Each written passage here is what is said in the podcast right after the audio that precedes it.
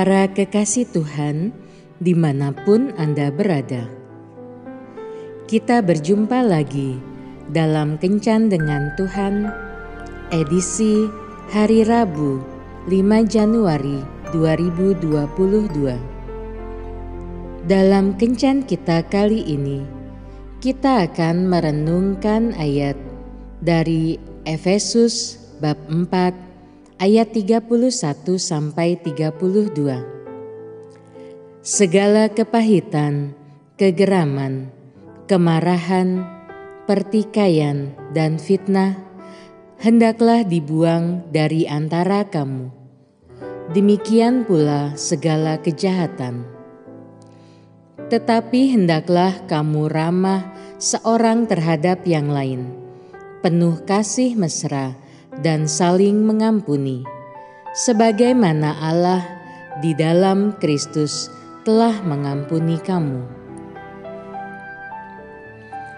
Para sahabat kencan dengan Tuhan yang terkasih, ada seorang wanita yang sudah menikah dengan pria yang baik, namun ia tidak dapat menikmati keindahan dan kebahagiaan sebagaimana pasangan suami istri pada umumnya.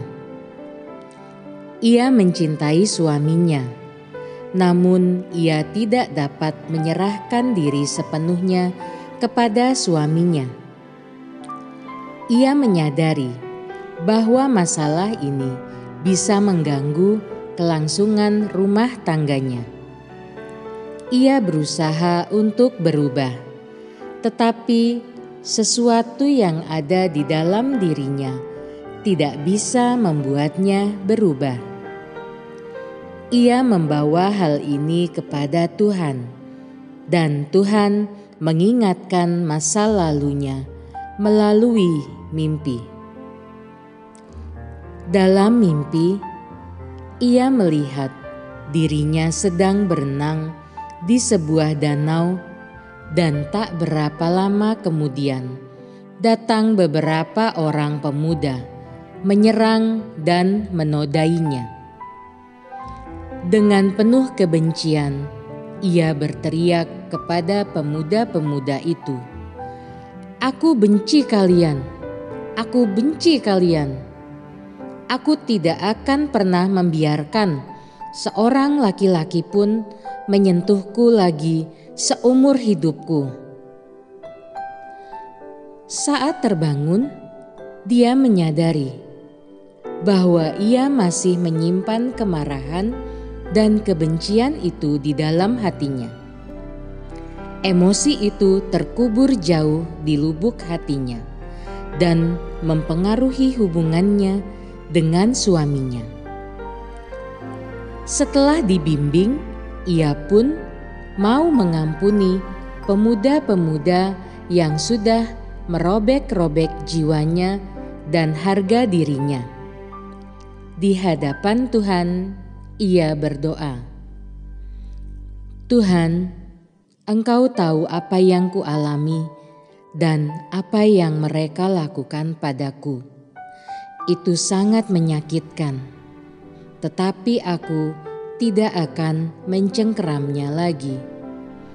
Aku tidak akan membiarkan rasa sakit dari masa lalu itu meracuni kehidupanku saat ini dan masa depanku.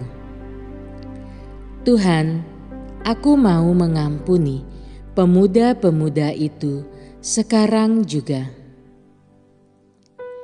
Setelah hari pengakuan dan pengampunan itu, ia dipulihkan dan menjadi seorang istri yang normal.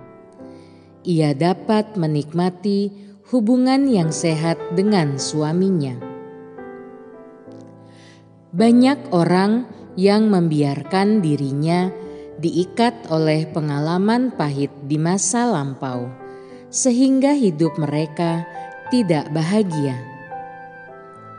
Apakah Anda memiliki kenangan pahit di masa lalu? Misalnya, pelecehan seksual, ketertolakan, penganiayaan oleh orang tua atau saudara-saudara, dan sebagainya? Biarkan itu muncul sejenak ke permukaan hidup Anda. Setelah itu, putuskanlah untuk mencabut akarnya dari hidup Anda dengan cara melepaskan pengampunan kepada mereka yang sudah menyakiti hati Anda. Jika Anda tidak mengerti akar pahit apa yang harus dicabut dari hidup Anda, mintalah Tuhan membantu menunjukkannya. Semua orang pasti pernah mengalami ketidakadilan dan kepahitan. Tetapi yang membuat perbedaan adalah apakah kita memutuskan untuk mencengkram rasa sakit itu ataukah melepaskannya. Jika kita ingin menjalani kehidupan dengan cara yang terbaik, putuskan untuk melepaskan pengampunan kepada mereka yang melukai jiwa kita. Jika kita memilih untuk melepaskan, itu berarti kita sedang bertindak menolong diri kita sendiri. Pengampunan membuat kita terlepas dari kepahitan dan sekaligus mendapatkan pengampunan dari Bapa. Tuhan Yesus memberkati. Marilah kita berdoa. Tuhan Yesus, aku melepaskan pengampunan atas seseorang yang telah menyakitiku. Mampukanlah aku agar jiwaku tenang dan sehat kembali. Amin.